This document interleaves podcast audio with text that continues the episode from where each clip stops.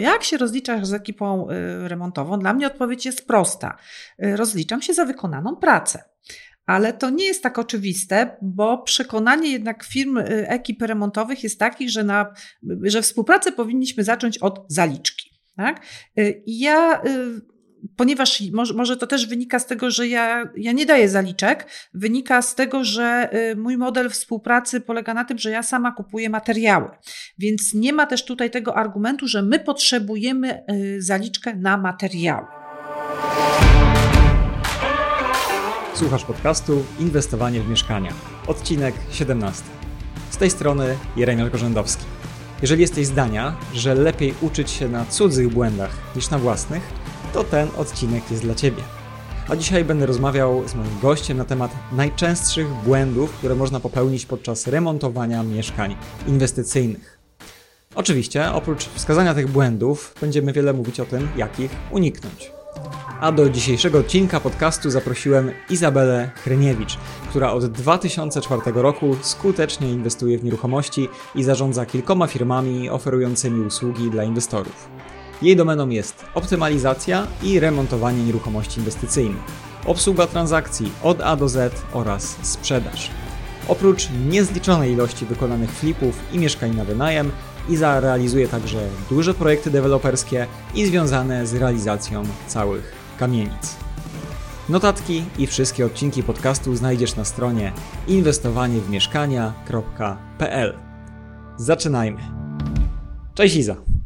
Cześć Jeremiaszu. No, bardzo się cieszę, że po raz kolejny będziemy mogli porozmawiać o remontowaniu mieszkań inwestycyjnych. E, wspólnie oczywiście mieliśmy okazję wiele razy przygotowywać już materiały dla inwestorów o remontowaniu, czy to poprzez szkolenia stacjonarne, czy szkołę remontowania dla inwestorów, czy remonty podręcznik inwestora, ale mimo tego dobrze wiemy, tak samo na pewno jak ja, że jednak tych błędów inwestorzy niestety cały czas dużo popełniają, jeżeli chodzi o remontowanie. No i cóż, ten nasz dzisiejszy podcast mam nadzieję, że dołoży kolejną cegiełkę do tego, żeby tych błędów e, rzeczywiście było coraz mniej i żeby sukcesy inwestorów były coraz większe. No, trudno się oczywiście nie zgodzić z tym, bo rzeczywiście y, im więcej pracy, tym można by powiedzieć może mniej błędów, ale, ale im więcej pracy, to też tym więcej tego doświadczenia zdobywamy i tych błędów czasami popełniamy więcej, ale innych. Więc y, jeżeli chcemy popełniać ich mniej, to oczywiście musimy tak to robić, żeby było tych błędów mniej i też inwestorzy powinni ku temu y, zmierzać, a przede wszystkim uczyć się na błędach innych, a nie na swoich. Może tak byłoby najwygodniej.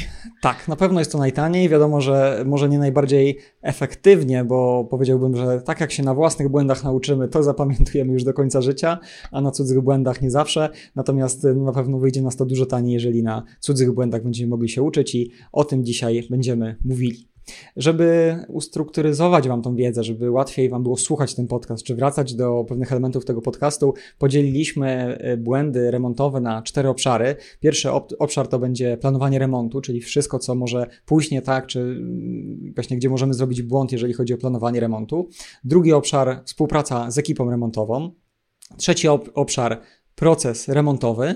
Tam też oczywiście ekipa będzie się troszkę przewijała, ale no też oprócz ekipy to jeszcze inne elementy też się na te błędy samego procesu już w trakcie remontu składają.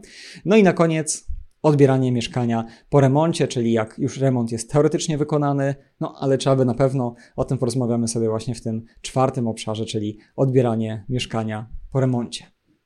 No i zacznijmy od pierwszego e, obszaru, czyli planowanie remontu. I za swojego doświadczenia, jakie błędy najczęściej obserwujesz u inwestorów, jeżeli chodzi właśnie o planowanie? Jeszcze remont się nie zaczął, a już błędy. Tak, jeszcze się nie zaczął, już błędy.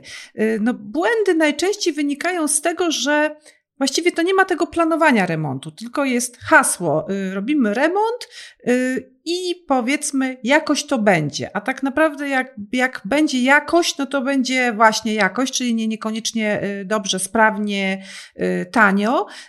Więc jak, jak też inne rzeczy, nie tylko przy remontach, ale, ale w swoim życiu, no staramy się coś zaplanować, tak samo remont powinniśmy zaplanować.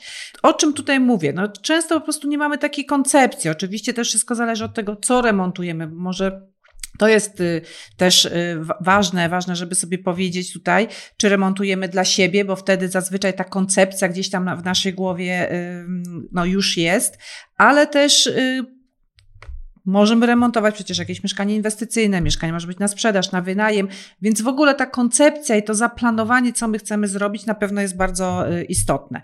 Y, jakie jeszcze błędy? No już możemy po prostu nie mieć wiedzy. To trudno nawet nazwać y, błędem, chociaż jeżeli nie mamy wiedzy, a chcemy tym remontem się zajmować, no to jest to błąd, bo po prostu można mm, poradzić się kogoś, skorzystać z czyjejś pomocy, żeby ten brak wiedzy właśnie nie był błędem. Myślę, że to Mhm. jest, to jest istotne, takie no przyznanie się do tego, że nie wszystko muszę wiedzieć, tak? Nie każdy jest stworzony do robienia wszystkiego, a już na pewno nie każdy jest stworzony do robienia remontów.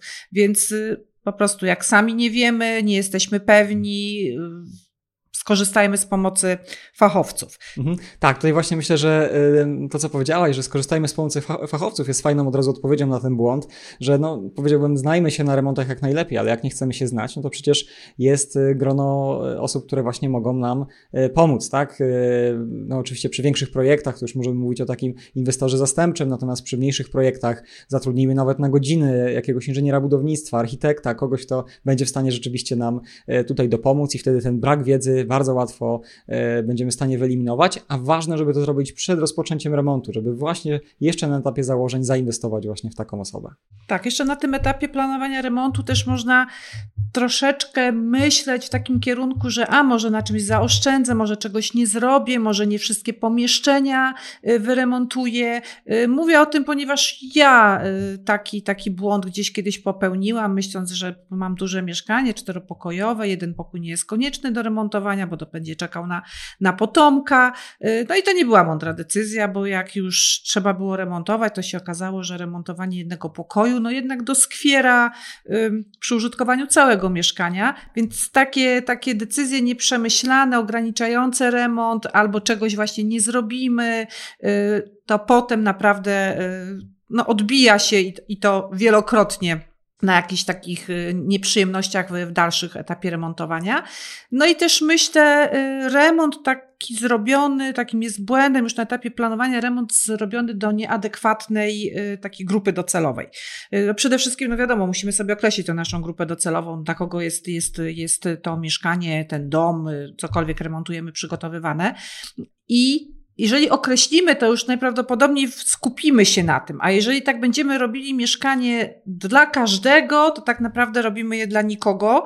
I też tutaj myślę, mo- mo- mogą być jakieś, jakieś e, błędy popełniane, które po prostu po remoncie, bo ten remont może być, może być przeprowadzony poprawnie, technicznie, ale potem gdzieś to, jak nie wiemy, jak nie myślimy o tym, kto będzie z tego mieszkania, z tego, z tego lokalu korzystał, to naprawdę potem może, może wyjść coś nie tak fajnego, jakbyśmy chcieli, żeby było. No właśnie, i potem, y, tak jak możemy te ogłoszenia, które bardzo mi się podobają, banery gdzieś na mieszkaniach, sprzedam lub wynajmę.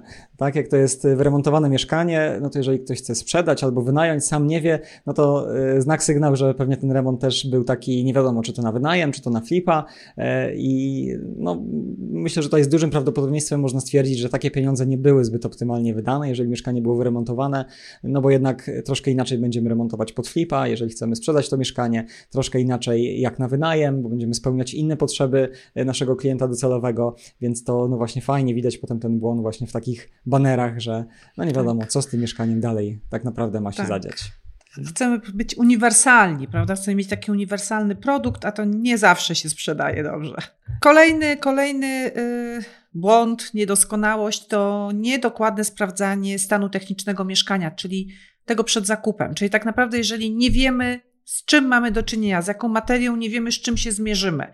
Też, y, też potem to się odbije na kosztach, na czasie, na naszych nerwach. To jest, myślę, bardzo ważne, także to jest już nawet, można powiedzieć, na etapie nie samego planowania remontu, tylko nawet pozyskiwania mieszkania. Oczywiście, że to jest nasze mieszkanie, w którym mieszkamy, odzieczy, odzieczy, odziedziczyliśmy, no to tutaj powiedzmy nie będziemy aż się tak y, nad tym zastanawiać, bo najprawdopodobniej wiemy, co mamy, y, ale jeżeli kupujemy mieszkanie albo, albo gdzieś komuś y, doradzamy, na przykład też w tym, jak mieszkanie przygotować, to myślę, że na tym etapie ważne jest, żebyśmy wiedzieli, co my w tym mieszkaniu mamy, jakie instalacje mamy do przerobienia, co było już w tym mieszkaniu zrobione i jak to było zrobione, bo kto, że ktoś nam powiedział, tak, był kapitalny remont, generalny remont, lubię takie określenia, y, tylko do odświeżenia, tak, często w ogłoszeniach, to potem się okazuje, że to no, nie ma nic wspólnego z tym, co, co my odkryjemy, jak zaczniemy odkrywać, co zostało w tym mieszkaniu dokonane, więc takie sprawdzanie stanu technicznego mieszkania na początku myślę, że jest bardzo ważne, a często y, po prostu pomijane i dopiero na etapie remontu dowiadujemy się, o, rzeczywiście to jest niefajne, to jest fajne, y, a o tym w ogóle nie wiedzieliśmy. Mhm. Więc y, tak. Tak. Dokładnie. Tutaj od razu mogę odesłać do siódmego odcinka naszego podcastu, bo y, tutaj poruszyła się oczywiście dopiero wierzchołek góry lodowej, a dobrze wiemy, że o tym można znowu godzinami mówić i między innymi taki godzinny podcast y, z numerem 7 y, nagraliśmy, jak poprawnie ocenić mieszkanie przed remontem. Także jeżeli chcecie wrócić do tego tematu rzeczywiście i skupić się tutaj na tym punkcie, to myślę, że, że warto do tego siódmego odcinka podcastu wrócić, no bo rzeczywiście obszarów, których mogliśmy nie sprawdzić, bo albo nie wiedzieliśmy, albo nie potrafimy, albo uważamy, że to to zbyt kosztowne, żeby zlecić komuś, żeby coś dla nas sprawdził, bo wydaje nam się, że to jest zbyt duży koszt, no to potem niestety za to właśnie no, czasami płacimy już podczas remontu. Kolejny błąd. Myślę, że złe oszacowanie kosztów remontu. To jest y, hmm. taki błąd, y, który często popełniamy. Oczywiście nie zawsze popełniamy, dlatego że mamy złą wolę albo gdzieś tam się nie przygotowaliśmy do tego, y, bo czasami po prostu nie wiemy, jak się do tego zabrać, albo używamy nieodpowiednich narzędzi. Czyli tak może po kolei. Jeżeli mamy y, nieokreślony zakres remontu, czyli tak naprawdę nie wiemy, co chcemy zrobić, no to skąd możemy wiedzieć, y, ile to będzie kosztowało? Tak. Y, jeżeli nie znamy, nie wiemy, co chcemy zrobić, trudno, żebyśmy wiedzieli, jakie ile nas robocizny, jakie będą stawki. Nawet trudno wtedy będzie nam spytać fachowca, za ile pan to zrobi, skoro my sami nie będziemy wiedzieli, co chcemy zrobić. Tak? Także ten mhm. zakres remontu przekłada się potem na kosztu remontu. Y, też błędem jest po prostu w ogóle nie podchodzenie do remontu od strony takiej przygotowawczej, kosztorysowej. Czyli na zasadzie, no robimy remont, wiemy, że wszystko trzeba zrobić, no ileś to będzie kosztowało, musi kosztować, działajmy. Tak? Takie szacowanie na oko też można powiedzieć. No około, bo tam gdzieś słyszałem, że mieszkanie około tylu metrów, to remont będzie kosztował ok około y, tyle y, tysięcy, tak? Kilkadziesiąt tysięcy y, złotych. No i oczywiście pytanie, co, co było, jaki był zakres remontu, jakie były materiały, jaki był standard wykonania. Naprawdę jest bardzo dużo takich Co to był za budynek w ogóle, tak? Czy to, to był stan deweloperski, tak, czy tak. kamienica, tak? Gdzie tutaj dwa światy, jeżeli chodzi o koszty tak, remontu. Tak, tak. Tu jest, tu jest tyle zmiennych, mhm. żebym powiedziała, że chyba nie ma, nie ma żadnej stałej, tak? Więc tak. Y, przy takim kosztorysowaniu. Y, I też takie mm, szacowanie na podstawie tego, takich stawek bym powiedziała gdzieś z internetu, z kalkulatorów budowlanych, szczególnie, szczególnie w tej chwili, tak, w czasach, kiedy te ceny no, zmieniają się z tygodnia na tydzień, y, zasłyszane y, oferty, y, stawki, zasłyszane za układanie metra kwadratowego płytek i, i, innych wszystkich różnistych prac, no niestety nie przełożą się najprawdopodobniej na na, na y, oszacowanie dokładnie y, naszego remontu, a już na pewno nie na to, na ile on zostanie y, w efekcie wykonany, za ile go zrobimy. Też z takiego już kosztorysowania, o czym zapominamy i uważam, że to jest, to jest błąd, też nie wynika to absolutnie z tego, że to jest jakaś nasza zła wola, że tego nie wiem, nie wiemy, czy, czy nie chcemy wiedzieć, tylko zapominamy o, o drobnostkach, o takich jak koszty wymiany domofonu, klamki, zamki, mm, jakieś roletki, karnisze, oświetlenia, że będą jakieś lampy, lampki może. To są drobne elementy, ale w tej chwili one idą naprawdę w dosyć pokaźne kwoty. To już tutaj nie mówimy o, o kwotach rzędu kilkudziesięciu złotych, tylko przynajmniej kilkuset złotych, a nawet, nawet czasami, czasami więcej. Y, też y, Często pomijamy, tak jak, jak czasami ktoś mi przysyła kosztorys, a sprawdź, czy to jest realne, czy rzeczywiście w tej cenie zrobię taki taki remont, nawet jeżeli ktoś zna ten zakres, zapominamy o takich pracach już poremontowych, y, czyli sprzątanie, y, dosyć droga, droga y, usługa, y, jeżeli ma być wykonana naprawdę dobrze, tak? Jeżeli chcemy, żeby to mieszkanie było naprawdę czyściusieńkie, to nie wystarczy zazwyczaj tylko ogarnięcie przez ekipę remontową. No, ekipy remontowe są od robienia remontów, tak? A, a myślę, że jednak od, od takiego porządnego wysprzątania powinniśmy do, do, tego powinniśmy wziąć kogoś innego. Również zdjęcia, y, jeżeli chcemy, jeżeli to jest mieszkanie na, na sprzedaż czy na wynajem. Y, wystawienie ogłoszeń. Y, w tej chwili no, no portale, te takie, no, na których te ogłoszenia zazwyczaj są wystawiane, mają płatne wystawianie ogłoszeń, jakieś wyróżnienia, podbijania. To wszystko są też koszty. Nie pamiętamy też często, że podczas remontu ponosimy koszt chociażby czynszu do, do wspólnoty, do spółdzielni, płacimy za prąd, za gaz, y, za wodę, y, to też są dodatkowe koszty, o których często w tych kosztorysach, w tych budżetach, jak przygotowujemy, po prostu y, są pomijane. Także to też myślę, że jest taki element, o którym trzeba pamiętać i tego błędu, pomijania tego kosztu po prostu nie popełniać. Mhm.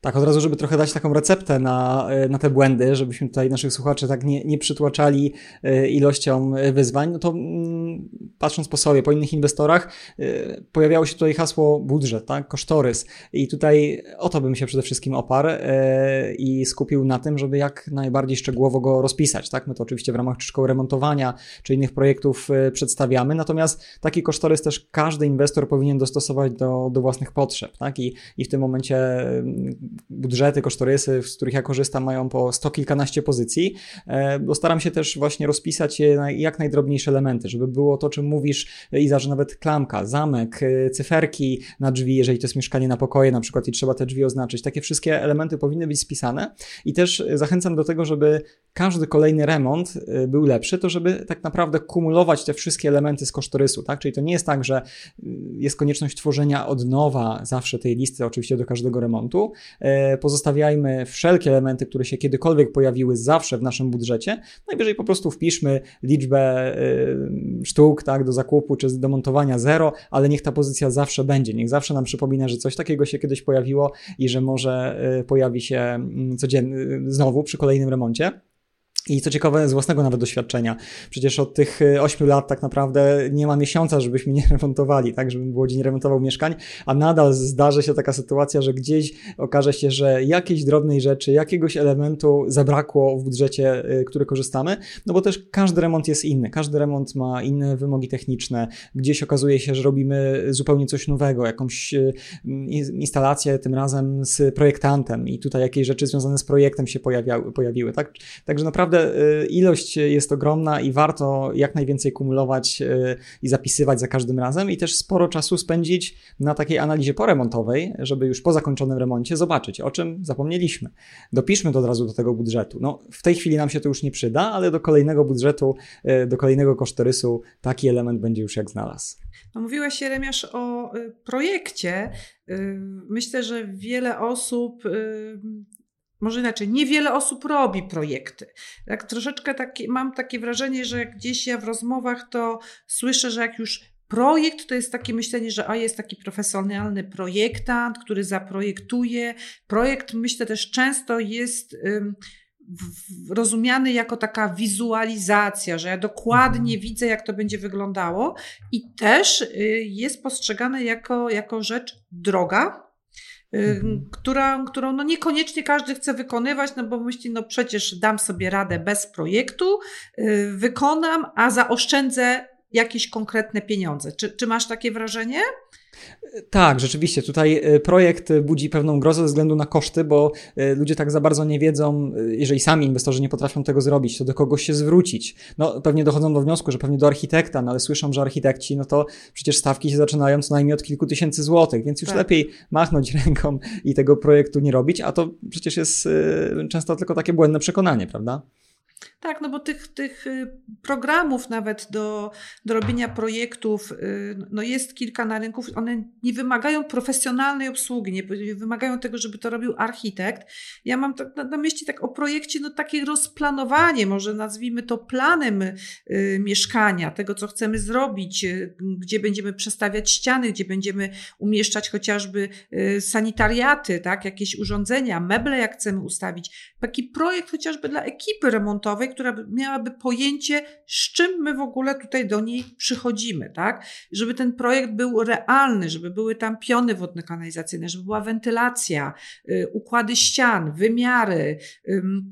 To są takie, takie rzeczy, które bardzo ułatwiają nam pracę na całym etapie potem procesu y, remontowego i uważam, że y, powinno się mieć projekt, bo to po prostu jasno pokazuje, co my chcemy zrobić, do czego dążymy, tak? Tak bym y, myślę tak, powiedziała. dokładnie i nawet y, przyszło mi teraz takie określenie, żeby tak yy, tą pompatyczność tego, tej nazwy projekt jakby zbić, to można byłoby to nazwać rysunkiem mieszkania z wymiarami, tak? Czyli nawet niech to będzie długopisem na bo jeżeli ma w ogóle go nie być, tak? To nawet tak. jeżeli nie programem, niech to będzie długopisem na kartce zrobione, niech będą po prostu wymiary wszystkich ścian, to nie musi być w proporcji jakby idealnej, ale y, no, tak jak mówisz, zaznaczone funkcje, że wiemy, że tu jest łazienka, tutaj jest pokój, więc tu są panele, tu są płytki, od razu y, przy takim rysunku wiemy, ile metrów kwadratowych potrzebujemy, jakich materiałów, tak? ile paneli, ile y, sztuk drzwi, ile płytek, w których miejscach, więc no, taki rysunek jest nieodzowny do tego, żeby y, rzeczywiście współpracować z ekipą, żeby poprawnie wycenić koszty remontu.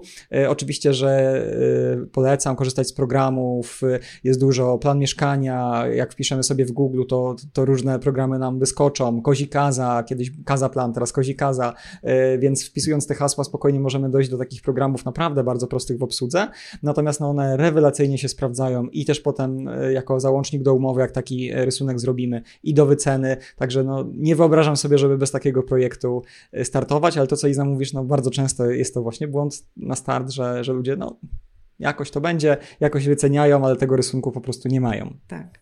Ja też sobie przypominam, że y, w moim takim początkowym etapie, kiedy te remonty zaczynałam, to ten plan, gdzie odczułam naprawdę wyraźnie, że on mi się przydaje, to był przy zamawianiu drzwi. Mhm. Ponieważ na tym planie miałam zaznaczone, tak, wiedziałam, gdzie chcę wchodzić, gdzie chcę mieć z której strony dostęp, jak otwierane te drzwi mają być prawe czy lewe. I potem jak jechałam do sklepu, do marketu, czy, czy siadałam przed komputerem do zamawiania drzwi, otwierałam sobie plan i tylko liczyłam. Prawe, prawe, lewe, tu takie, tu takie, tu osiemdziesiątki, tu siedemdziesiątki i koniec. Nie było tej potrzeby wyobrażania sobie w głowie, jak to tam było, Dokładnie. czy to będą prawe, czy to będzie na lewe. To było takie dla mnie namacalne po prostu narzędzie do tego, żeby dobrze zamówić y, drzwi.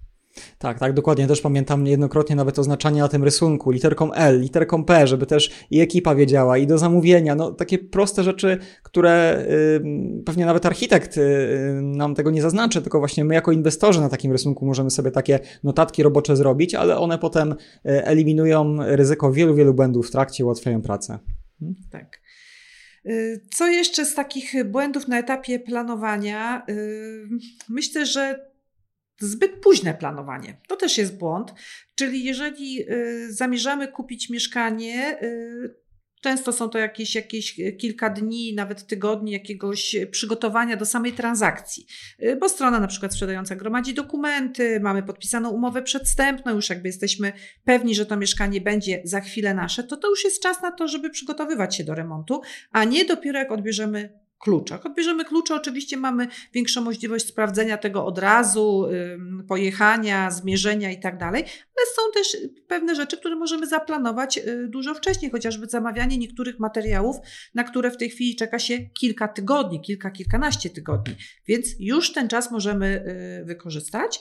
Y, I też takie zagadnienie jak wybór ekipy remontowej, kiedy przechodzimy do drugiego etapu tutaj obszaru współpracy z ekipą remontową, to jest y, też element, o którym powinniśmy pomyśleć wcześniej, a nie dopiero wtedy, kiedy przejęliśmy klucze, bo też będziemy zazwyczaj czekać. No, myślę, że taka Jeremiasz chyba zasada jest nadal jeszcze na rynku, że dobra ekipa remontowa nie jest dostępna od ręki. Tak, no zdecydowanie. Y, dobra ekipa to jest taka, która z polecenia dostaje kolejne, y, kolejne zlecenia, w związku z tym nie jest y, dostępna. Oczywiście, że tutaj inwestorzy, którzy mają skalę, którzy są w stanie dużo tych remontów robić, no to niejako na taką wyłączność albo prawie wyłączność będą mieli ekipę i tutaj jest im trochę łatwiej. Natomiast jak od czasu do czasu właśnie inwestujemy w nieruchomości, no to, to czasami nawet zdarzyło mi się tutaj słyszeć u inwestorów, że czekają po 3-4 miesiące na ekipę. Oczywiście Y, znowu, ja tutaj mam takie patrzenie inwestora, bo wiem, że znam jakby osoby, które dla siebie remontują, które czekają nawet 12 miesięcy na jakąś ekipę remontową, więc te 3-4 miesiące to oczywiście nie jest jakiś zupełnie um, przypadek, który się nie zdarza, tylko bardziej myślę jako inwestor, który wie, że czas to pieniądz, który wie, że każdy miesiąc czekania no to są jakieś koszty czy utracone korzyści ale nawet właśnie to wiedząc, no to niektórzy inwestorzy po, po 3-4 miesiące czekają, także trzeba, po prostu trzeba za to zabrać się odpowiednio wcześniej, e, żeby po prostu mieć pewność, że e, taka idealna sytuacja, odbieramy klucze od mieszkania i te klucze od razu przekazujemy ekipie remontowej, żeby, żeby mogła działać, no to jest coś, co, co powinniśmy po prostu um, zaplanować odpowiednio wcześniej. No i tak jak już jesteśmy przy tej ekipie remontowej, to naturalne byłoby przejście do tego, jak współpracować z taką ekipą remontową. Mhm. Y, no ja myślę, że przede wszystkim na podstawie umowy remontowej. Y, nadal myślę, Jeremia, że jest tak, że jest jednak takie podejście, że dużo osób po prostu nie ma umów z firmami remontowymi. Firmy remontowe nie, nie kwapią się do tego, żeby podpisywać y, umowy, ponieważ nie chcą ponosić odpowiedzialności. Często jest tak, że usłyszą, że ma być podpisana umowa, no to a może niekoniecznie, a po co, a na co, przecież będzie pani zadowolona, po co mamy podpisać umowę. No i to jest też jakiś taki sygnał, że, yy, że no chyba nie będę zadowolona. Tak, zgadza się. To ekipy remontowe to jest naprawdę niesamowita branża, y, cały czas, y, która bardzo powoli się zmienia. Branża y, bardzo często właśnie firm, które są trochę firmami duchami, albo w ogóle firm nie ma, tylko no jest ten taki czarny rynek pracy, tak można powiedzieć, czarny obszar tutaj rynku pracy.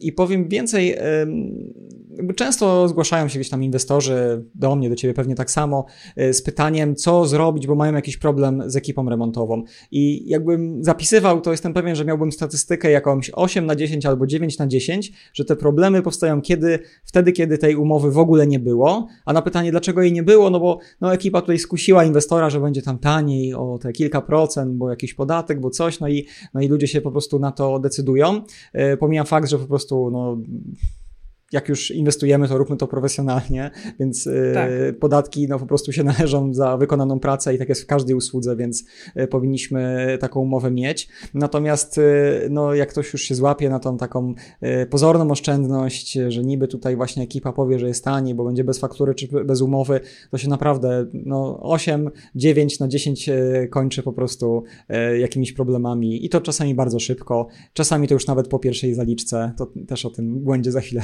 pewnie powiemy. Tak.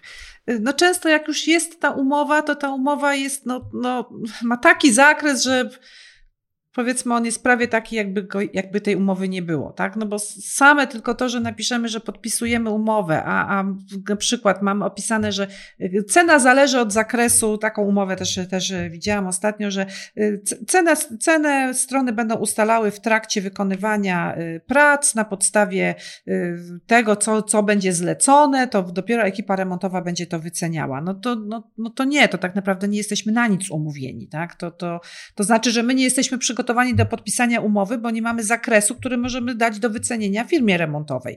To taka umowa też nie jest, nie jest dobrą umową albo umowa, w której nie ma terminu y, zakończenia prac. Tak? No to, to, to też no, no muszą być pewne elementy, które y, po prostu ta, ta umowa musi zawierać. Musimy wiedzieć, co chcemy zrobić, za ile to będzie zrobione i do kiedy to będzie zrobione. Tak? No to są takie podstawowe trzy elementy chyba każdej umowy tak naprawdę, nie tylko remontowej. Umowy o pracę również na przykład, tak? Umowy na, na cokolwiek innego, jaką, jakąś usługę, też chcemy wiedzieć co, do kiedy i za ile to zro, do, zrobimy, czy, czy nam, to, nam to ktoś yy, yy, zrobi. Tak, bo jak tego nie będzie, to myślę, że z dużą właśnie dozą prawdopodobieństwa możemy szykować się na płatną lekcję. Ja jeszcze pamiętam, yy, jedna, to była jedna z moich pierwszych umów remontowych, te 8-9 lat temu yy, przy pierwszych remontach, gdzie właśnie yy, okazywało się, że Oczywiście dowiedziałem, że musi być umowa szczegółowo napisana, ale nie rozumiałem, co to znaczy szczegółowa. Nie rozumiałem, że szczegółowa to znaczy, że mają być też opisane y, na przykład uchwyty na papier toaletowy, że, mają, że będą zainstalowane, że muszą być wieszaczki na kurtki też opisane, tak? Czyli aż do takiego poziomu szczegółowości. No i na koniec remontu okazało się, że no na kupce leżą właśnie te różne wieszaki, różne elementy do zainstalowania. No i pytam ekipy, no dlaczego to nie jest zainstalowane? No Panie Remiaszu, no niestety, ale, znaczy niestety, w umowie tego nie mieliśmy, no, no my tak. chyba tego nie robimy, tak? Jeszcze tak ekipa z przekąsem powie, no oczywiście, że robicie, a no to y, ten wieszaczek 50 zł za zamontowanie, ten 70 i tak dalej, i tak dalej, tak? tak. Oczywiście, no y, często jesteśmy w takiej sytuacji, że y, no mimo wszystko wolimy przepłacić, ale już dokończyć remont i zlecić to y, takiej ekipie, jeszcze może tam przykręcenie jakiegoś wieszaka jest na tyle proste, że, że sami będziemy w stanie to zrobić, ale no mogą być już troszkę bardziej zaawansowane prace, których właśnie zapomnimy e, i, i naprawdę słono zapłacimy za tą końcówkę remontu i będzie nam się wydawało, że mamy tanią ekipę remontową, bo tak ją zakontraktowaliśmy, ale to, że ten zakres prac po prostu jest niepełny, no to okaże się, że do tego remontu na koniec dopłacimy. Także no, trzeba też rozumieć, co to znaczy ten y, naprawdę dokładny zakres remontu i y, czasami nasze zakresy remontu w umowie remontowej ciągną się przez 3-4 strony A4 takiego ciągłego opisu, co jak ma wyglądać, do tego właśnie do tego rzuty, żeby naprawdę tutaj nie powstawała żadna wątpliwość, jaki jest ten zakres. Jak powiedziałeś o tych właśnie, że zostały ci wieszaki i tak dalej, to ja pamiętam z naszego takiego pierwszego remontu y, też moje zdziwienie, że za właśnie powieszenie dodatkowych y, rzeczy, przy, przy, czym tych rzeczy nie było zbyt dużo, bo to była mała kawalerka, ale był chociażby karnisz do firanki, mhm. Y, też nie został powieszony. No i pan powiedział, że możemy się umówić, że od każdego nawierconego otworu będzie stawka. Pamiętam tą stawkę do dziś. To była stawka 5 zł y, za otwór. To był rok 98, 9. Mhm. No i tak mi się wydawało, okej. Okay. Potem było takie moje zdziwienie, że karnisz, który wybrałam, oczywiście nie patrzyłam pod kątem sposobu montażu, montażu, tylko mi się podobał, że żeby powiesić karnisz, okazało się, że musi być sześć otworów. I, I to naprawdę robiło kwoty. Mm -hmm. Te ob wszystkie ob obrazki w pewnym momencie stwierdzałam, czy aby na pewno potrzebuję tyle obrazków, czy na pewno te półeczki się przydadzą, bo to generowało naprawdę dodatkowe rzeczy po, pod, i to jest oczywiście Wiesz, Remiasz, jak to jest? To jest w tym momencie, kiedy ten remont już się kończy i tak zazwyczaj on wychodzi drożej niż myśleliśmy, tak. A jeszcze się okazuje, że jeszcze tutaj y, karnisz, jeszcze obrazek, jeszcze za to, jeszcze za to.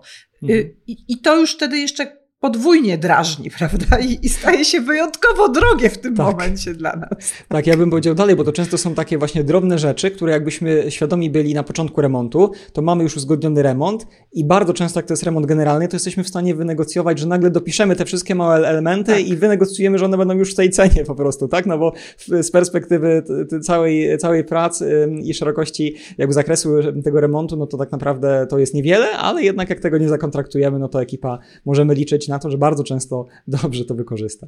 Także o tym, o tym trzeba bardzo dobrze pamiętać. Tak. Y, co możemy tutaj dalej, jeżeli chodzi o ekipę i, i o, o współpracę z ekipą? Y, myślę, mhm. że warto powiedzieć o rozliczaniu się z ekipą remontową. Y, mhm. Wiele osób mnie pyta o to, jak się rozliczasz z ekipą remontową. Dla mnie odpowiedź jest prosta. Rozliczam się za wykonaną pracę. Ale to nie jest tak oczywiste, bo przekonanie jednak firm, y, ekip remontowych jest takich, że, na, że współpracę powinniśmy zacząć od zaliczki. Tak?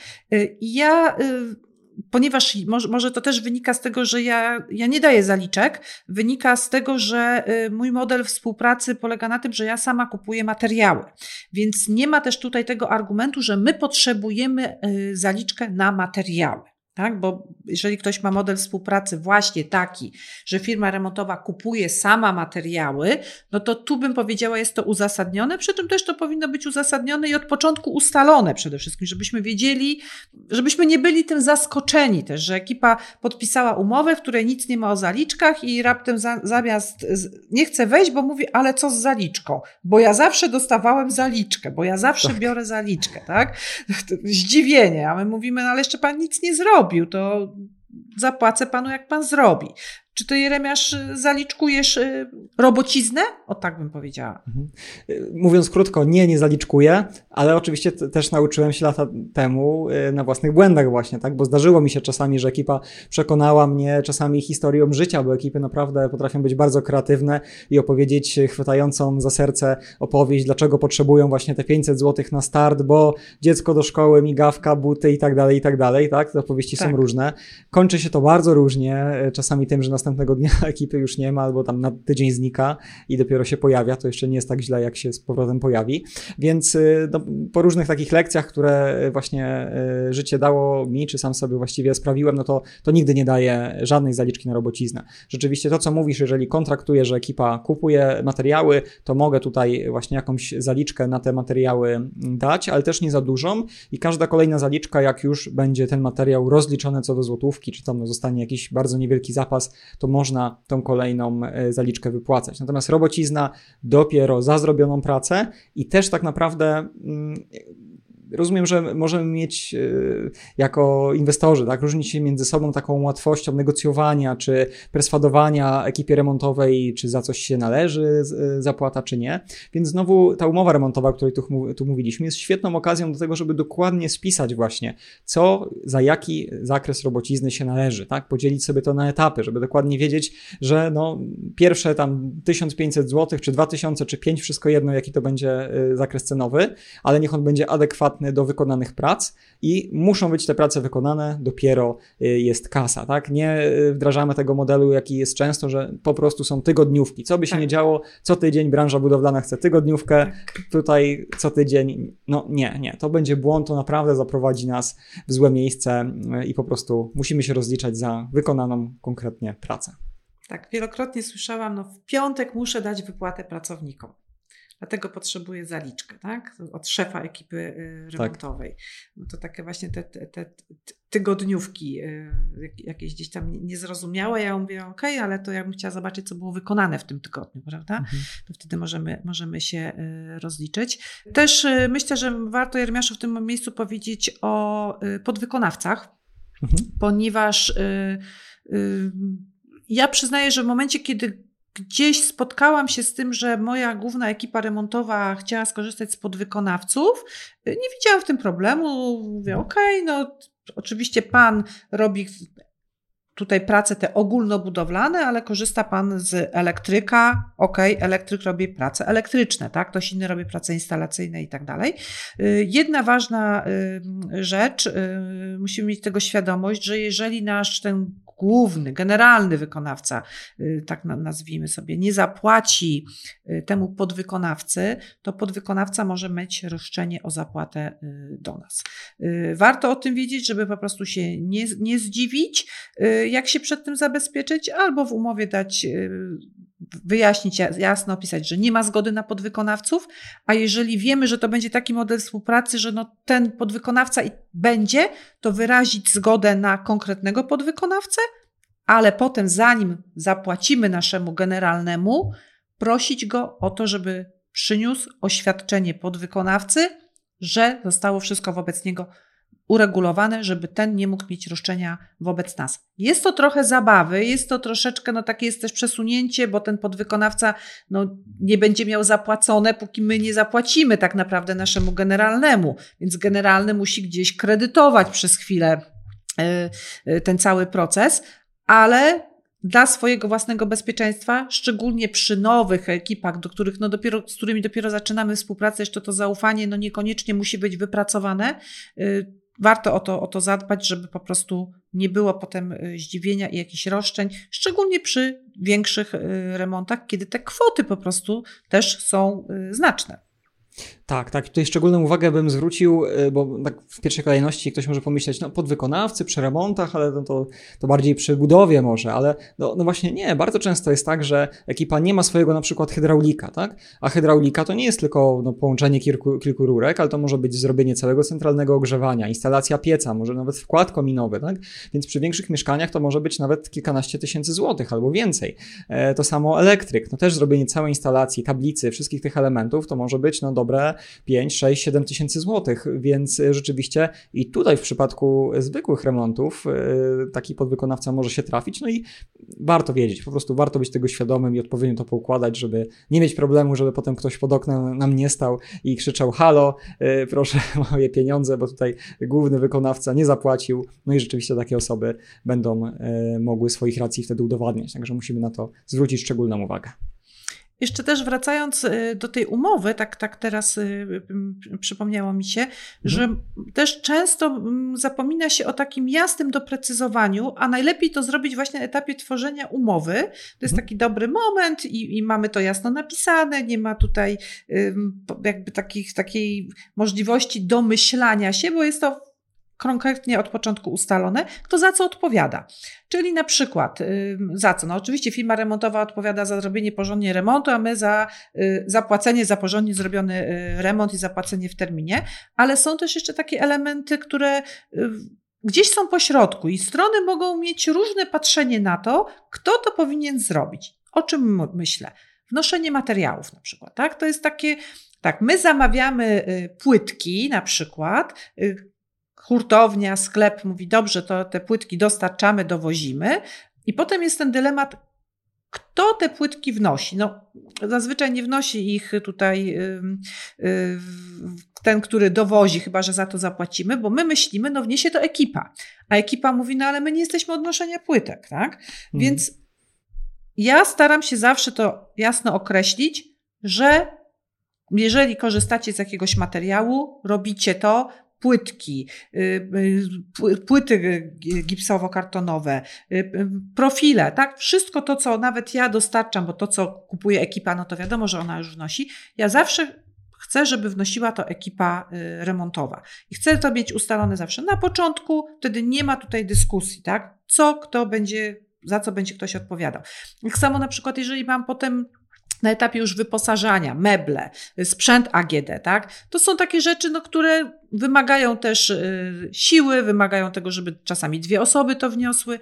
Też oczekuję i jasno komunikuję tej ekipie remontowej, że to jest po ich stronie, że ja nie będę tego organizowała, a nawet jeżeli usłyszę, że ekipa mówi, że nie, nie będzie tego robiła, bo z jakiegoś tam powodu, no to przynajmniej od razu wiem, że mam to zorganizować, mam, to, mam za to zapłacić komuś innemu, na przykład temu, u kogo zamawiam y, ten towar, ale to jest taki, taki punkt, gdzie często są takie niesnaski po prostu, że my nie chcemy, pani powinna, inna i po co jakby brać to na siebie.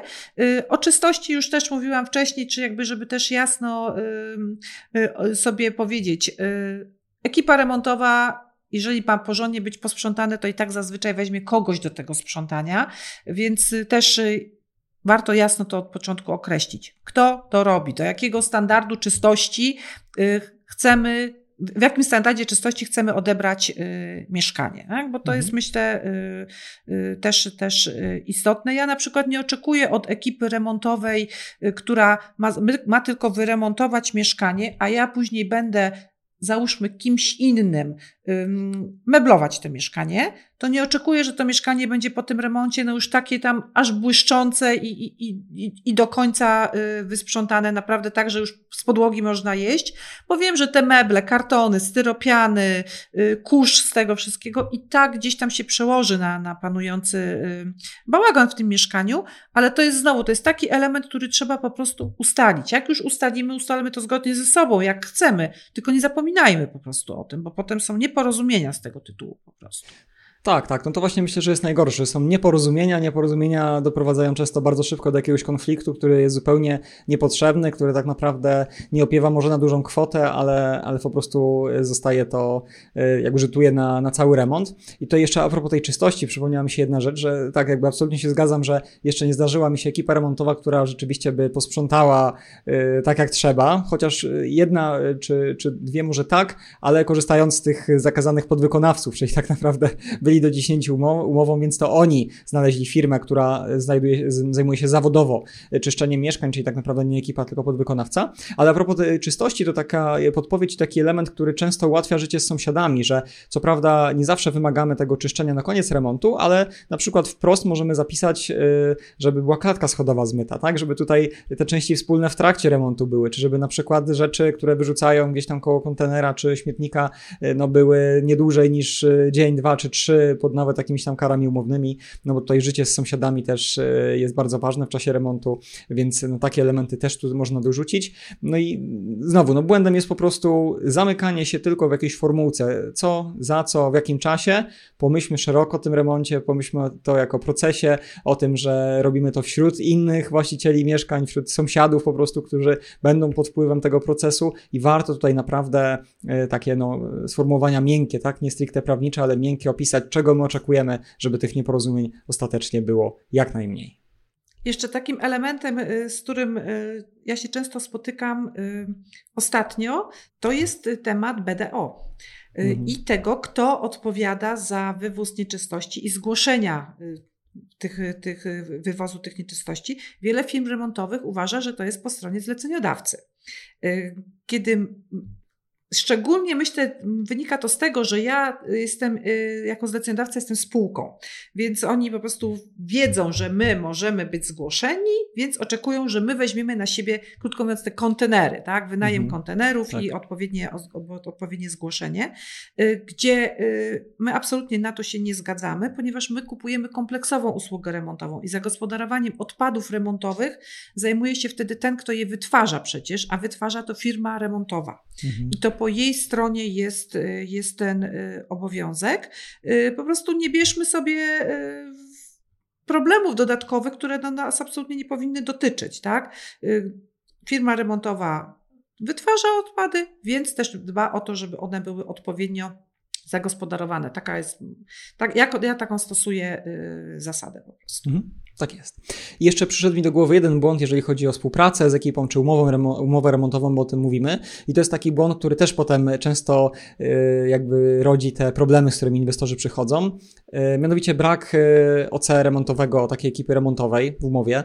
Czyli my jako zleceniodawca chcemy, żeby ekipa była ubezpieczona od różnych y, zdarzeń, które no, mogą się zadziać, od różnych szkód, które mogą powstać w wyniku prowadzenia tego remontu.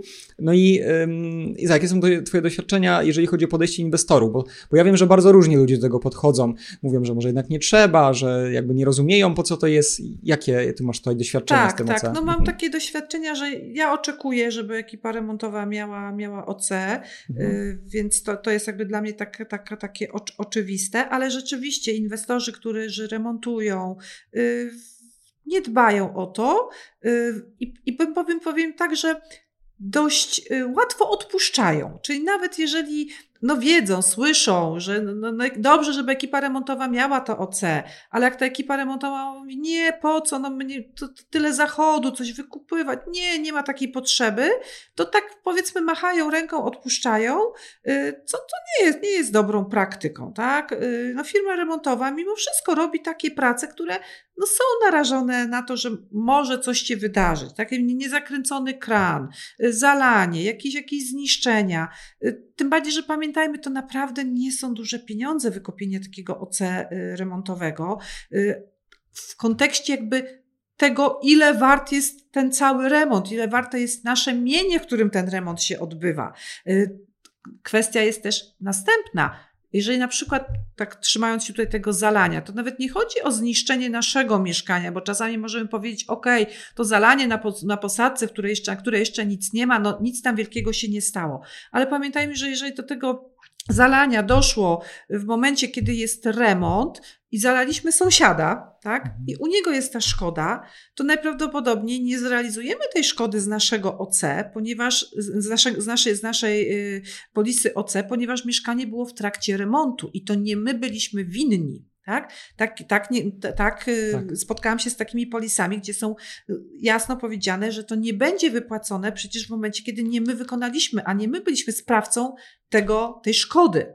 Tak, i teraz nasza, jeżeli nasza ekipa y, remontowa nie ma ocen, no to po prostu odpowiada, jak to się mówi, z własnej kieszeni. Myślę, że tu też, Jeremiasz, jest kwestia tego, żeby sami inwestorzy wiedzieli, czemu to OC służy. Tak. Żeby potrafili przekonać, y, nawet może za dużo powiedziane przekonać, ale wytłumaczyć y, takiej ekipie, że to jest tak naprawdę produkt dla nich. Dokładnie. Tak, tak. tak. A tych zdarzeń, tak jak chroni. mówisz. Tak, tak, tych zdarzeń, tak jak mówisz, czy to zalania, czy to nawet y, przy wyższych piętrach, wnoszenie y, materiałów klatką schodową, tak? Zadziory, uszkodzenia klatki schodowej, uszkodzenia windy, to naprawdę potrafią być y, drogie rzeczy. I z jednej strony, jako inwestorzy, bo niektórzy inwestorzy tak mówią właśnie, że no ale to przecież ekipa remontowa zrobiła, no to niech tam wspólnota czy sąsiad od ekipy remontowej sobie to odzyskuje. No, patrząc tak stricte od strony prawnej, no to rzeczywiście można było powiedzieć, że odpowiedzialna jest ekipa, ale wiadomo, że my z tym mieszkaniem potem zostajemy jako właściciel, tak? Czy y, jak nawet chcemy flipować, no to przez jakiś czas będziemy y, pokazywać to mieszkanie. Y, jako mieszkanie na wynajem będziemy jeszcze dłużej to mieszkanie mieć, no i to my jednak będziemy wśród tych sąsiadów, którzy są poszkodowani, czy wspólnoty, czy spółdzielni, która jest poszkodowana, więc no takie tłumaczenie, że proszę iść sobie do ekipy remontowej, to naprawdę jeszcze nigdy nie zadziałało. Wręcz w drugą stronę spółdzielnie, wspólnoty mieszkaniowe, no to do nas jako właścicieli mieszkania dzwonią z awanturami czasami, bo jakiś gruz dostał się do y, po prostu skrzyni, y, tak, kosza na śmieci, albo gdzieś jest coś brudne, albo i tak dalej, czyli ewidentnie widać, że to nie my zrobiliśmy tylko ekipa, ale osoby z naszego otoczenia, zarządcy, spółdzielnia, wspólnota, sąsiedzi, to do nas adresują te y, wszystkie problemy, tak? Nie możemy im powiedzieć, tak. proszę, tu jest numer y, firmy remontowej, proszę z nią rozmawiać, no to spotka się z dużym niezrozumieniem, więc to OC sprawia, że nie musimy już dyskutować, wymuszać na ekipie, żeby ona zapłaciła, jest numer OC, jest szkoda usuwana. Oczywiście, że też nie zawsze 100%, no, ale to już jakby zupełnie jest inna pozycja wtedy, y, właśnie z której startujemy w stosunku do, do tego otoczenia, właśnie w którym remontujemy. Tak. Myślę, że na temat współpracy z ekipą remontową no już powiedzieliśmy dużo. Tak, tak. Całkiem dużo. Myślę, że czas przejść do trzeciego obszaru. Tak, czyli, czyli proces remontowy. Proces, tak, proces, mhm. proces y, remontowy, chociaż można by powiedzieć, że no, ekipa remontowa i proces remontowy to, to jedno i to samo, y, ale to jest też duża, duża, duży y, udział tutaj nasz, prawda, w tym, w tym całym procesie, ponieważ ekipa będzie pracowała też sprawnie, jeżeli my będziemy też sprawni, sprawnym uczestnikiem procesu, tak, tak bym to nazwała. I tutaj jak, jakie tutaj błędy no myślę, że ten taki błąd, y, który już tam na początku mówiliśmy, czyli brak, brak, y, brak tego przygotowania będzie się też y, mm, prze, przekładał na brak planowania pewnych prac.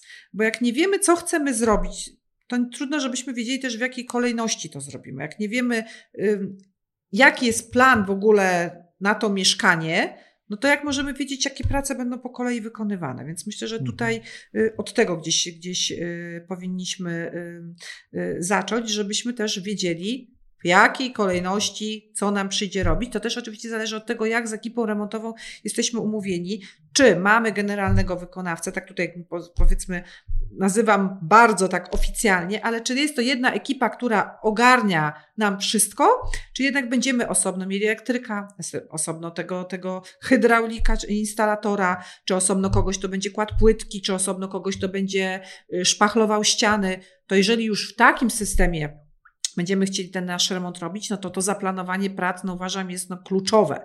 Y, bo nie wyobrażam sobie, Jeremiasz, no takiego remontu, jeżeli my nie wiemy, co po kolei chcemy zrobić, a, a na początku nie wiemy, co w ogóle chcemy zrobić. Tak, tak, no absolutnie. No musimy wiedzieć, co po czym będzie następowało, jak ten harmonogram będzie wyglądał, z wielu względów, tak? E, jeżeli nie będziemy tego wiedzieli, no to co z zamówieniem kolejnych materiałów? Nie będziemy wiedzieli, co kiedy zamawiać. E, może się okazać, że jak na chybił trafił, kolejność prac będzie wykonywana, to nagle trzeba będzie e, pracy robić pewne dwa razy, tak? Bo tu już tynkarz wytynkuje ścianę, a zaraz się okaże, że elektryk dopiero chce rozprowadzać instalację, tak? I robi bruzdy teraz w już wytynkowanych ścianach. I to wcale nie są odosobnione przypadki. Naprawdę to się po prostu zdarza, jeżeli zwłaszcza korzystamy z kilku osób, więc no, musimy wiedzieć, tak, co będzie po czym.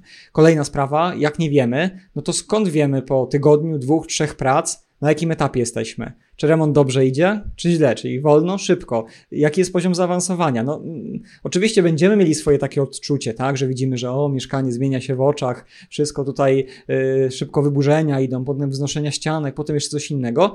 No dobrze, ale w skali całego procesu remontowego nie wiemy tak naprawdę, czy y, mamy szansę zdążyć, zdążyć w założonym terminie, czy nie, no bo y, też są takie etapy, które bardzo widać, prawda, że jakby jest postęp tak. prac, a potem zazwyczaj ta część wykończeniowa, no to, to przez kilka tygodni może się wydawać, że prawie nic się nie dzieje, a jednak gro prac jakichś instalacyjnych, takich niewidocznych jest rzeczywiście robionych.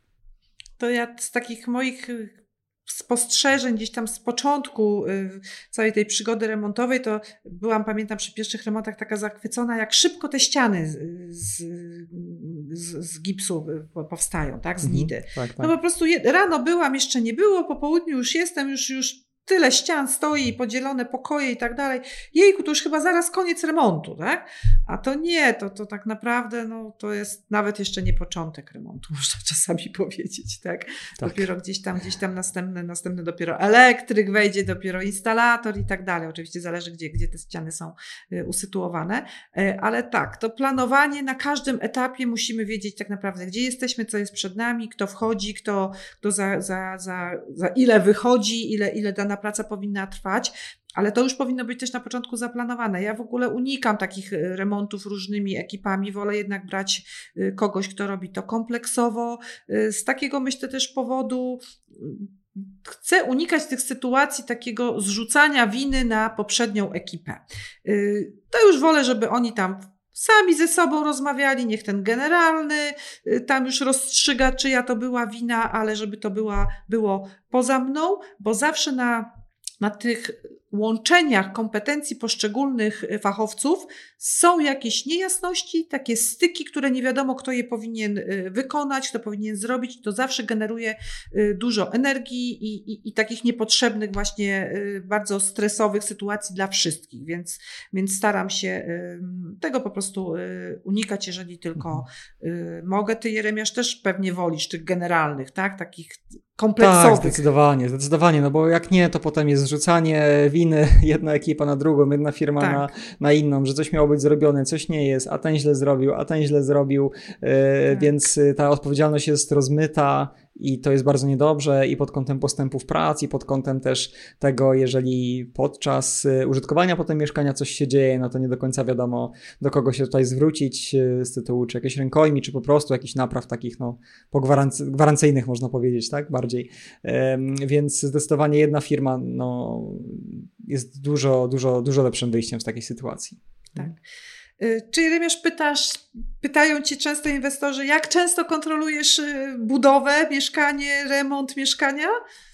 Tak, tak, to jest y, bardzo częste pytanie y, i to też często jest przedmiotem błędu tak naprawdę, bo znam inwestorów, którzy y, raz na miesiąc, czy w ogóle raz, dwa razy na cały remont chcieliby do tego mieszkania przychodzić. Oczywiście bardzo często, jak już się przeciąga zbyt długo ten remont, to okazuje się, że są coraz częściej, no bo wychodzi to, że nie kontrolowali zbyt często tego mieszkania.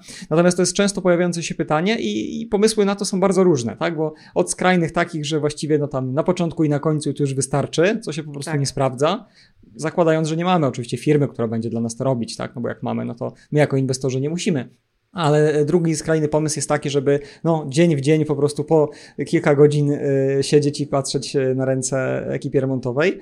No też nie jest to najlepsze rozwiązanie, tak? Jest to takie rozwiązanie, które kiedyś w historii takiej jednej inwestycji doprowadziło do tego, że ekipa po prostu nie wytrzymała presji i uciekła z mieszkania, tak? Bo inwestor no, siedział i cały czas obserwował każdy ruch tej ekipy remontowej, no i to było coś tak dziwnego dla ekipy, że po prostu nawet jakieś tam buci buciki i kurtki zostały, ale panów remontowców już więcej nie było, także musiało to na nich zrobić duże wrażenie, że, że po prostu no, non-stop ktoś patrzył im na ręce. Także nie można przesadzać. No i tutaj trochę odpowiedzią jest znowu ta umowa remontowa. No przez ten nasz dzisiejszy odcinek dużo tutaj się ta umowa przewija, bo ona naprawdę jest takim fundamentem, y, który sprawia, że potem y, wiele kwestii nam się bardzo ładnie rozwiązuje.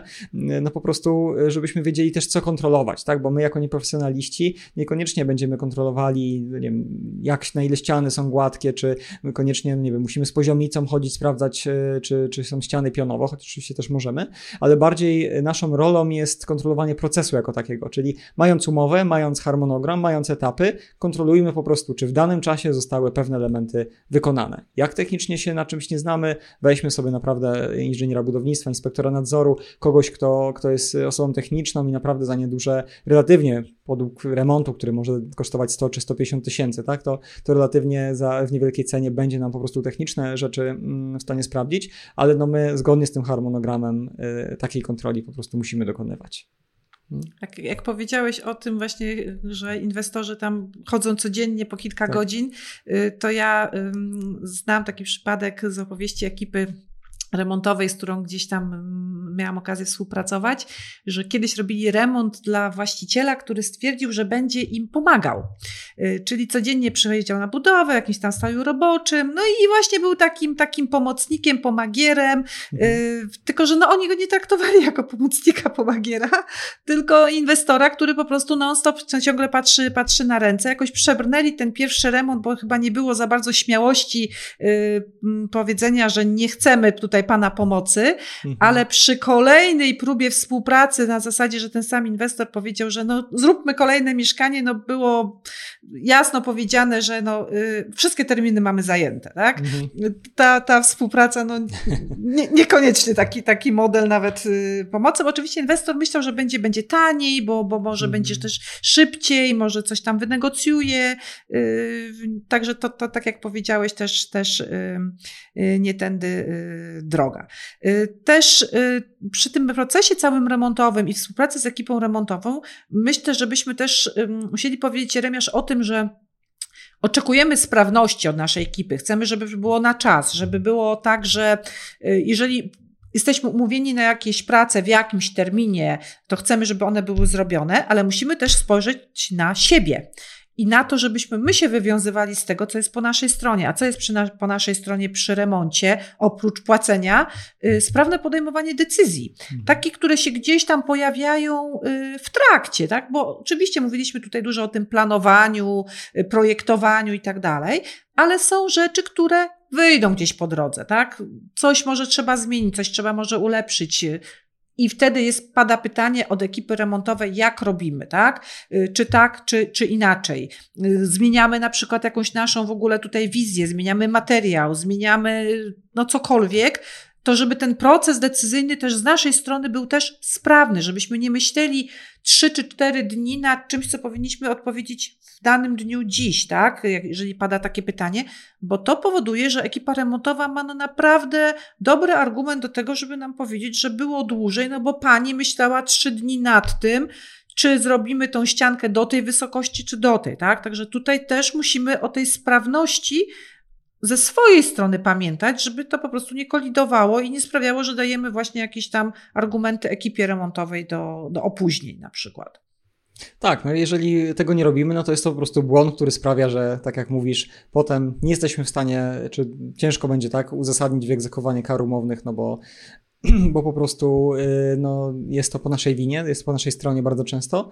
Y, plus też, y, no niestety, takie brak podejmowania decyzji no, może sprawić, że ekipa, nawet takie jakby sytuacje miałem, że ekipa po prostu przeniosła się na inną budowę, jakby na inny, mhm. innego mieszkania, na inny remont, tak? No bo jak miała siedzieć niejako bezczynnie, a miała mieć zapłacone tylko za wykonaną pracę, tak? Nie za czas, no bo jeszcze jak ktoś nam by podpisał umowę za to, że po prostu za czas czy tygodniówki, no to to, wszystko jedno, tak? tak? Ale no dobra umowa remontowa to jest taka, że, że, że za, za, te etapy, no to nie byli w stanie wykonywać, tak? I e, takiej pracy, no i potem ciężko było ściągnąć ich z powrotem.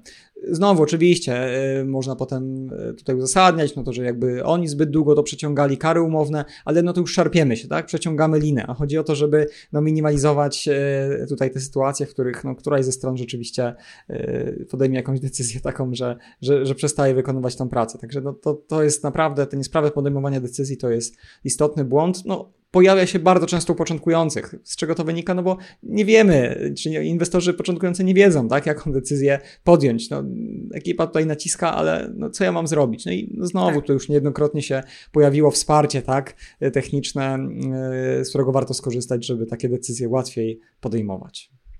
Tak, myślę, że też y, warto pamiętać o tym wsparciu technicznym, takim profesjonalnym, zewnętrznym wsparciu technicznym, w przypadku, jeżeli pewne prace, które chcemy zrobić, no nie jesteśmy pewni, czy aby na pewno możemy je zrobić. Co tutaj mam na myśli? Y, wszelkie naruszenia y, w ścianach nośnych. Tak? Y, mamy jakieś pomysły przenoszenia łazienek, y, zamieniania łazienki z kuchnią, y, takie róż, róż, różne gdzieś, gdzieś, gdzieś y, rzeczy, które powodują, że chociażby musimy powiększyć na przykład otwór odpływu kanalizy z 50 na setkę, bo zamieniamy właśnie WC z, z na przykład kuchnią. Już pomijam tutaj fakt, czy w ogóle możemy to zrobić od strony wentylacji, ale właśnie z, z tymi ścianami nośnymi, bo niektóre ekipy remontowe mam takie wrażenie, że no pani, wszystko da się zrobić, tak? No no jasne, no, no wszystko da się zrobić, ale tego też mogą być jakieś konsekwencje. Jeżeli tego nie jesteśmy pewni, to naprawdę wydajmy te, y, no teraz już nie kilkadziesiąt, a pewnie kilkaset złotych y, na to, żeby spytać tego kogoś, kto ma takie uprawnienia, spytać konstruktora, kto ma taką wiedzę, czy możemy to zrobić, czy to nie naraża tutaj materii całego budynku, czy nie, my nie narażamy się na jakąś odpowiedzialność y, za to, bo to są naprawdę to mogą być bardzo drogie, drogie rzeczy, bardzo kosztowne i problematyczne dla nas. Tak, no i mm, powodujące po prostu ryzyko, takie realne zagrożenie tak, dla, dla budynku. No na szczęście te katastrofy budowlane za często o nich nie czytamy, yy, że podczas remontu tak, coś takiego się wydarzyło, raczej to jakichś prac rozbiórkowych, nadbudów. Natomiast yy, no nie ma co ryzykować, a tutaj jednak yy, ekipy, tak jak powiedziałaś, obserwuję, że bardzo chętnie są w stanie wykonać różne tak. prace. Wybić otwór w ścianie nośnej, nie ma problemu, widzieliśmy jak to się robi, wrzucimy nadproże, wytłumaczę jak to zrobić, będzie pan zadowolony, nikt nie musi wiedzieć, róbmy, tak?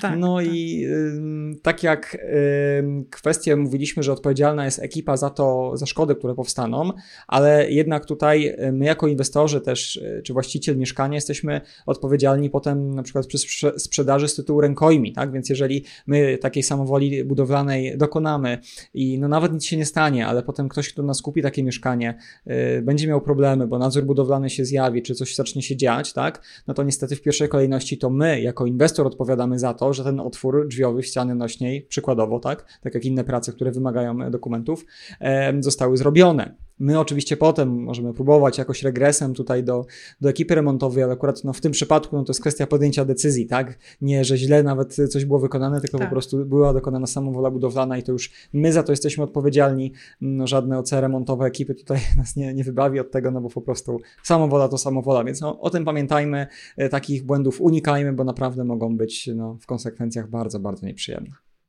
Jeszcze takim też yy, myślę, że błędem yy, może on nawet to nie jest nawet błąd na etapie samego y, już y, procesu remontowego, tylko może nawet troszeczkę wcześniej. To jest kwestia też wyboru, Jeremiasz, myślę, materiałów i takiego myślenia, że każde mieszkanie, które remontuję, to jest mieszkanie, które robię dla siebie.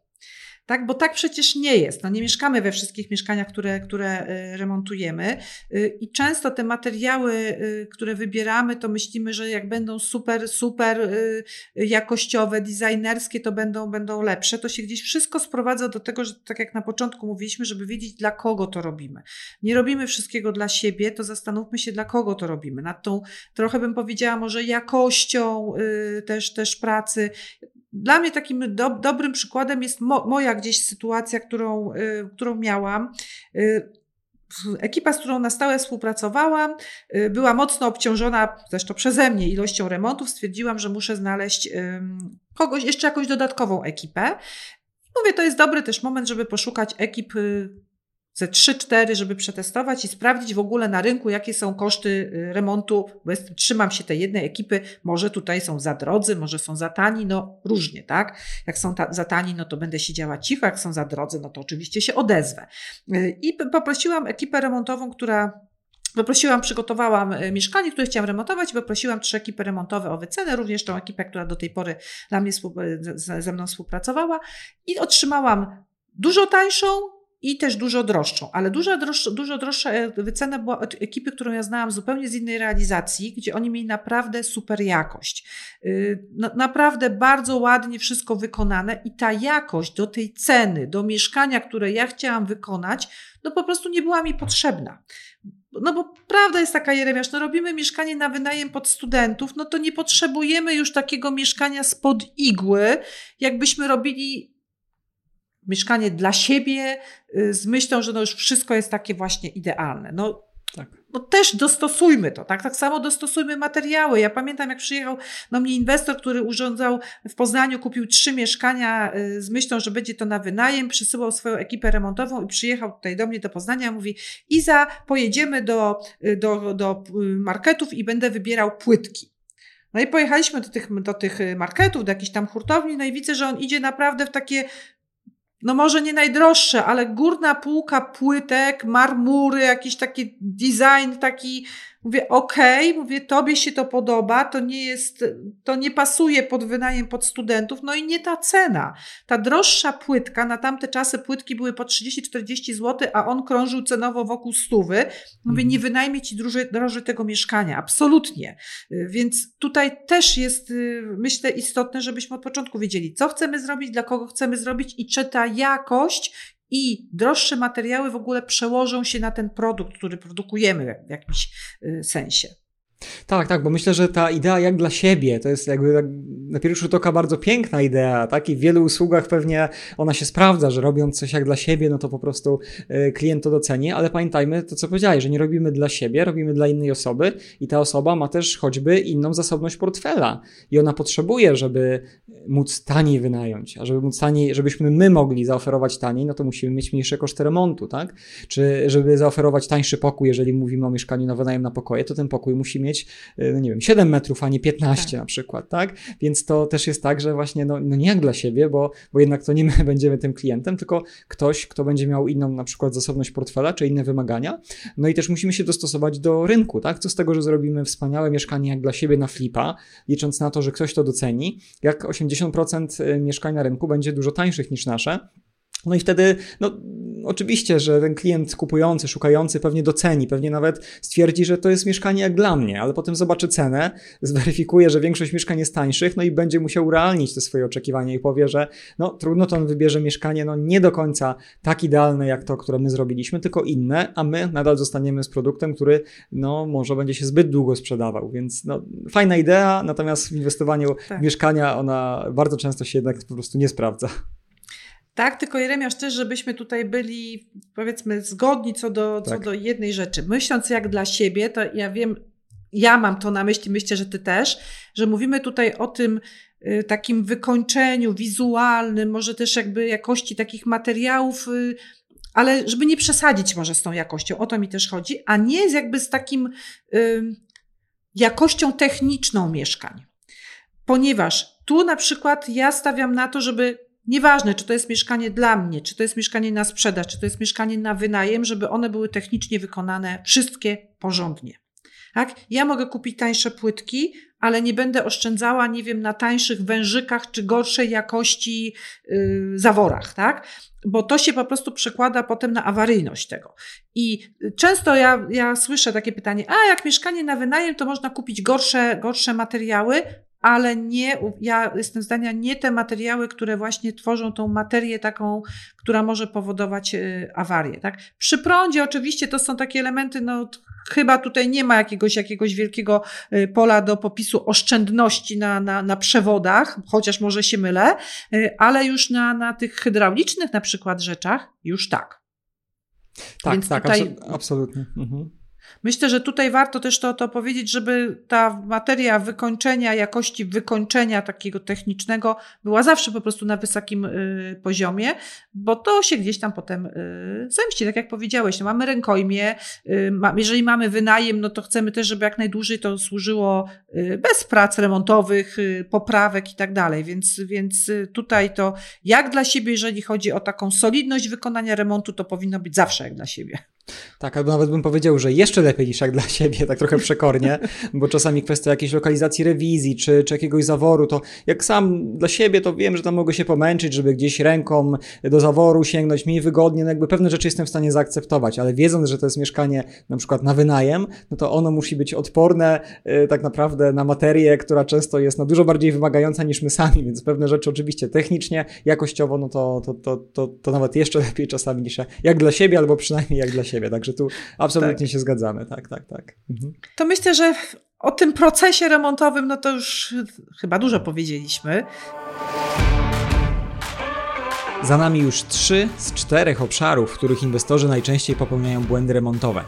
Zanim przejdziemy do ostatniego obszaru, czyli odbierania mieszkania po remoncie, chcę zaprosić Cię do poszerzenia swojej wiedzy na temat remontów. Razem z Izą stworzyliśmy społeczność już ponad 400 inwestorów, którzy ciągle poszerzają swoją wiedzę w obszarze remontowania mieszkań inwestycyjnych. Teraz i Ty możesz dołączyć do tej społeczności poprzez nasze szkolenie online Szkoła Remontowania dla Inwestorów. To ponad 10 godzin materiału wideo, dokumenty, checklista i Excel do pobrania, a także nasze wsparcie na zamkniętej grupie na Facebooku. Jeśli czujesz, że to coś dla Ciebie, wejdź koniecznie na stronę www.szkołaremontowania.pl łamane przez info i dołącz do nas.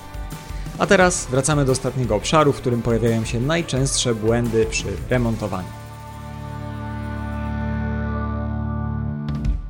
Proces remontowy to też odbieranie prac po remoncie. Yy, Jeremiasz, lubisz odbierać pracę po remoncie? Mm, I tak i nie. Y, tak. Lubię, bo to jest to koniec remontu, więc jest świetny etap, tak?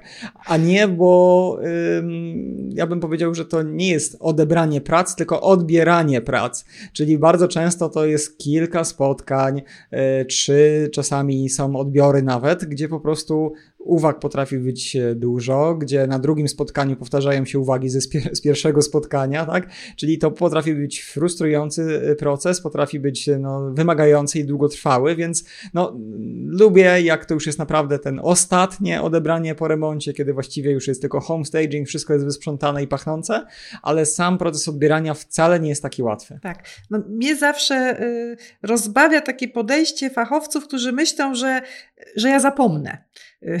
o, o, czymś, co y, gdzieś wskazałam, że to jest nie tak, że jest do poprawy, no i tak nie poprawią tego, bo myślą, a nie wiem, że ja to pominę, zapomnę, gdzieś, gdzieś na tej liście przeoczę, a ja potem do tego wracam i oni, aha, no to jeszcze to, tak? I potem znowu, aha, no to jeszcze to.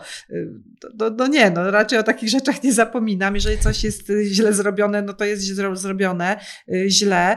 Y, no też robię sobie oczywiście notatki, żeby, żeby autentycznie o tym nie zapomnieć, ale ale, takie, no, no trudno, żebym nie zauważyła, że jest podłoga niewypoziomowana, bo powiedzmy pływająca to nie znaczy y, niewypoziomowana, y, więc, więc no, no są tutaj y, pewne elementy, albo że nie zauważę, że listwa przypodłogowa, jak wchodzę tylko do mieszkania, no jakoś ewidentnie odstaje od ściany, a wcale nie, z nią nie współpracuje z tą ścianą i, i listwa sobie, a ściana sobie, albo odpadające te, te końcóweczki, narożniki, czy czy, słabe gładzie, tak? To, to też tutaj, to jest też dla mnie takie tłumaczenie ekip remontowych, że ale jak się postawi meble, to, to tu zakryje, tu nie będzie widać i, i, i tak dalej, no to to już no, to nie jest też te, ten moment, tak? Także te, te, te wszystkie y, elementy y, odbioru mieszkania, no, no też musimy się na to przygotować, że one muszą być przez nas przygotowane, no bo to oczywiście jak tylko tak wyjdziemy i powiemy, no,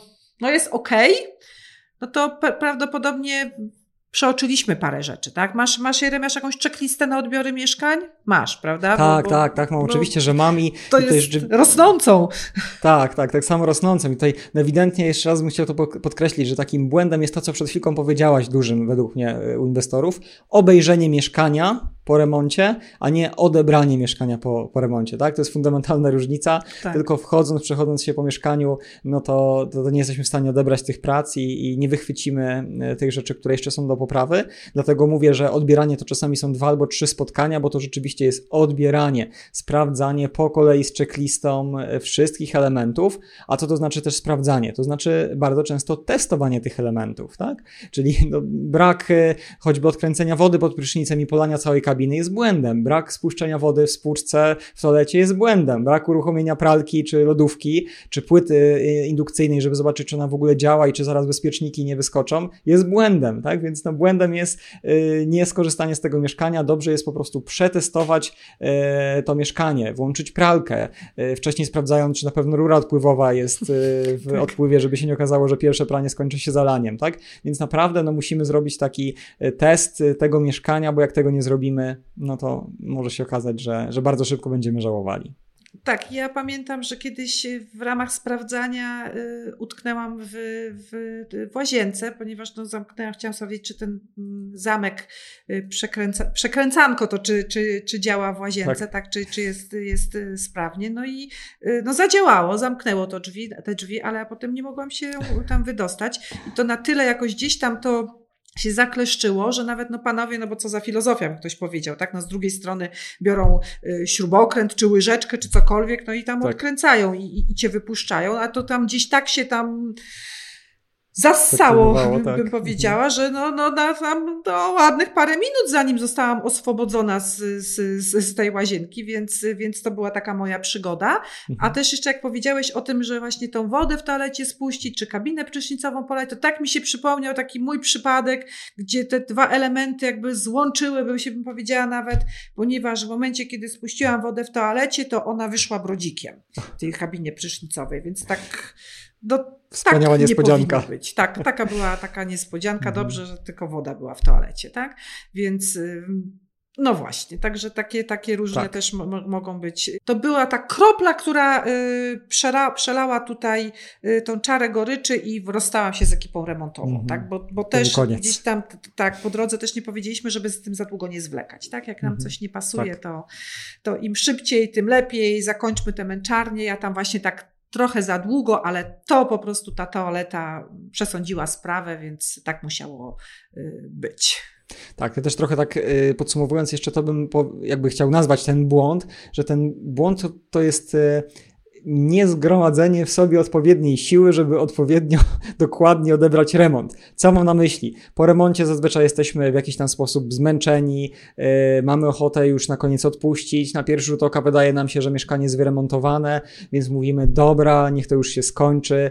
Yy, nie sprawdzamy tego i no, czasami po prostu machamy ręką, godzimy się na taką, wydawałoby się, mm, nieszkodliwą byle jakość, czy nieszkodliwą, mniejszą jakość, typu właśnie no, gdzieś tam podłoga delikatnie chodzi, albo listwa odstaje, albo właśnie y, okazało się, że nie cała instalacja elektryczna była wymieniona, no ale przecież działa, tak? Czy, czy, czy coś tam z wentylacją jest nie tak? Wydaje nam się, że to nie y, będzie miało żadnego znaczenia, więc machamy ręką, bo jesteśmy zmęczeni, bo błędem było to, że nie wykrzesaliśmy tej, tej siły na koniec siebie, ale y, to niestety mm, są tylko takie pozorne, jakby to ma pozorny brak konsekwencji, bo wszelkie te rzeczy, o których mówiliśmy, one potem niestety będą wychodziły czy y, za pół roku, czy za rok y, te panele w końcu gdzieś tam się mogą wyłamać y, na, na piórkach. Listwy przypodłogowe też. Kilka mopowań, zaraz się okaże, że one w ogóle są z łączki wszystkie kształtki po zdejmowane i gdzieś tam leżą, listwa cała odchodzi.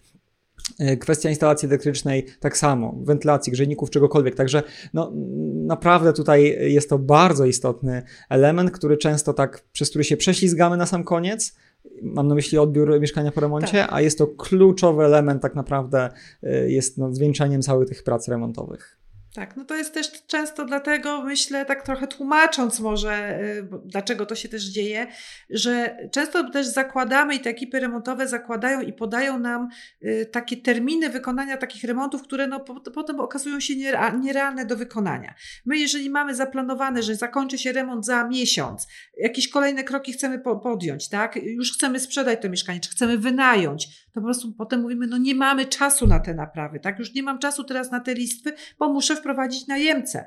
I to też się potem właśnie przekłada na takie, tak jak mówisz, no to akceptowanie tej, tej, tej byle jakiej jakości z tą myślą, że a najwyżej to się później zrobi, tylko to później zawsze jest o wiele bardziej uciążliwe, bo albo już tam ktoś mieszka, albo jak sprzedaliśmy, to mamy jakieś roszczenia, albo przynajmniej niesmak, tak, yy, spowodowany tym, że ten, ten, ten nasz kupujący, no no patrzy na to, może mieć do nas jakieś, jakieś pretensja, jest, jeżeli działamy na rynku, sprzedajemy mieszkania, no to gdzieś to może się też po prostu później y, odbić na opinii na naszej, jako, jako te, temu na tym kimś, kto produkuje, wytwarza takie mieszkania o takiej niefajnej y, jakości, właśnie w tych elementach y, wykończeniowych szczególnie.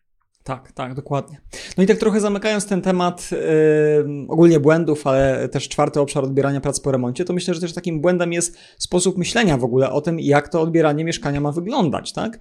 Że to przecież yy, nie musi być tak, że yy, właśnie tym razem to ta ekipa patrzy nam na ręce, zamienia się się role, tak? A my tutaj zestresowani y, mamy o tym, jakby odbierać ten remont, tylko ty Iza przecież opowiadasz o sposobie, który no, może nam ułatwić bardzo ten odbiór y, mieszkania po remoncie? Czy możesz tutaj powiedzieć, jak to może wyglądać, żeby nie było stresujące to dla nas takie? Tak, to ja lubię, lubię przyglądać się y, mieszkaniom i, i, temu, jak było to zrobione, y, powiedziała w samotności. Może nie, ze, nie, nie o to chodzi, żeby ze mną nikogo nie było, tylko żeby nie było ze mną ekipy remontowej.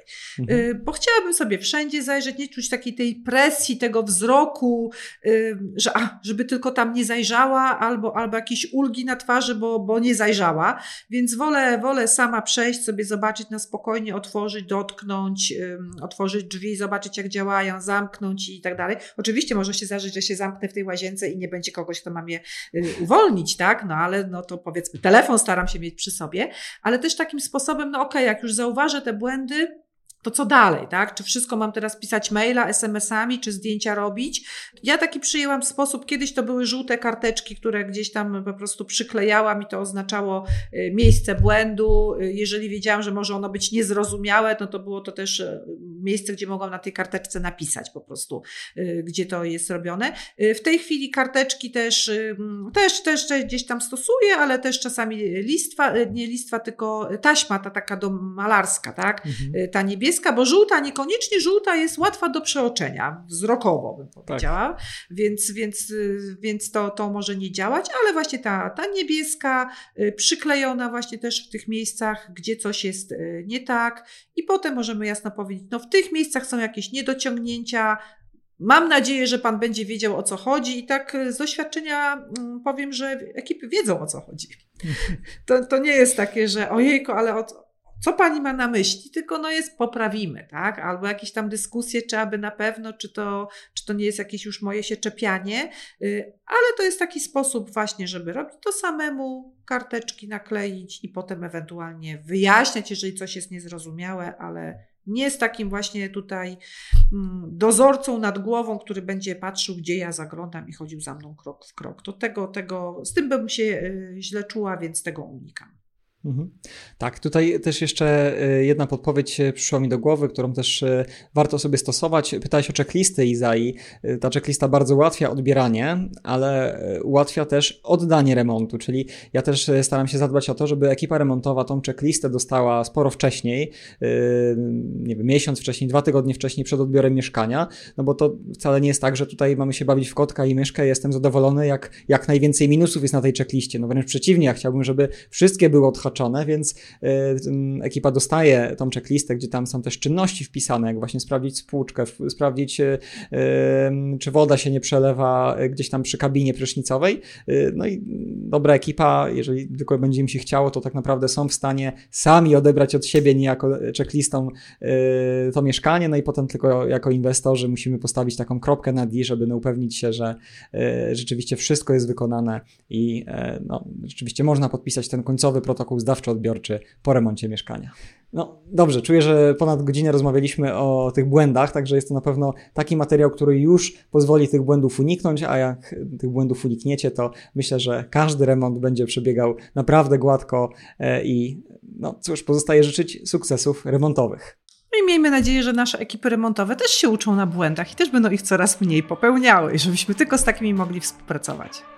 Tak jest i za to trzymamy kciuki. Do usłyszenia w kolejnym odcinku. Do usłyszenia. I tym sposobem dotarliśmy do końca tego podcastu. Jak widzisz, błędów, które można popełnić, jest bardzo dużo, ale mam nadzieję, że po wysłuchaniu tego odcinka będziesz w stanie ich wszystkich uniknąć.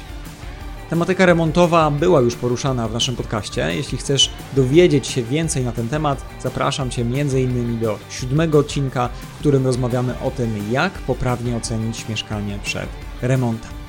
A na dziś już kończymy. Jeśli masz do nas jakiekolwiek pytania, napisz koniecznie na podcast małpa inwestowaniewmieszkania.pl.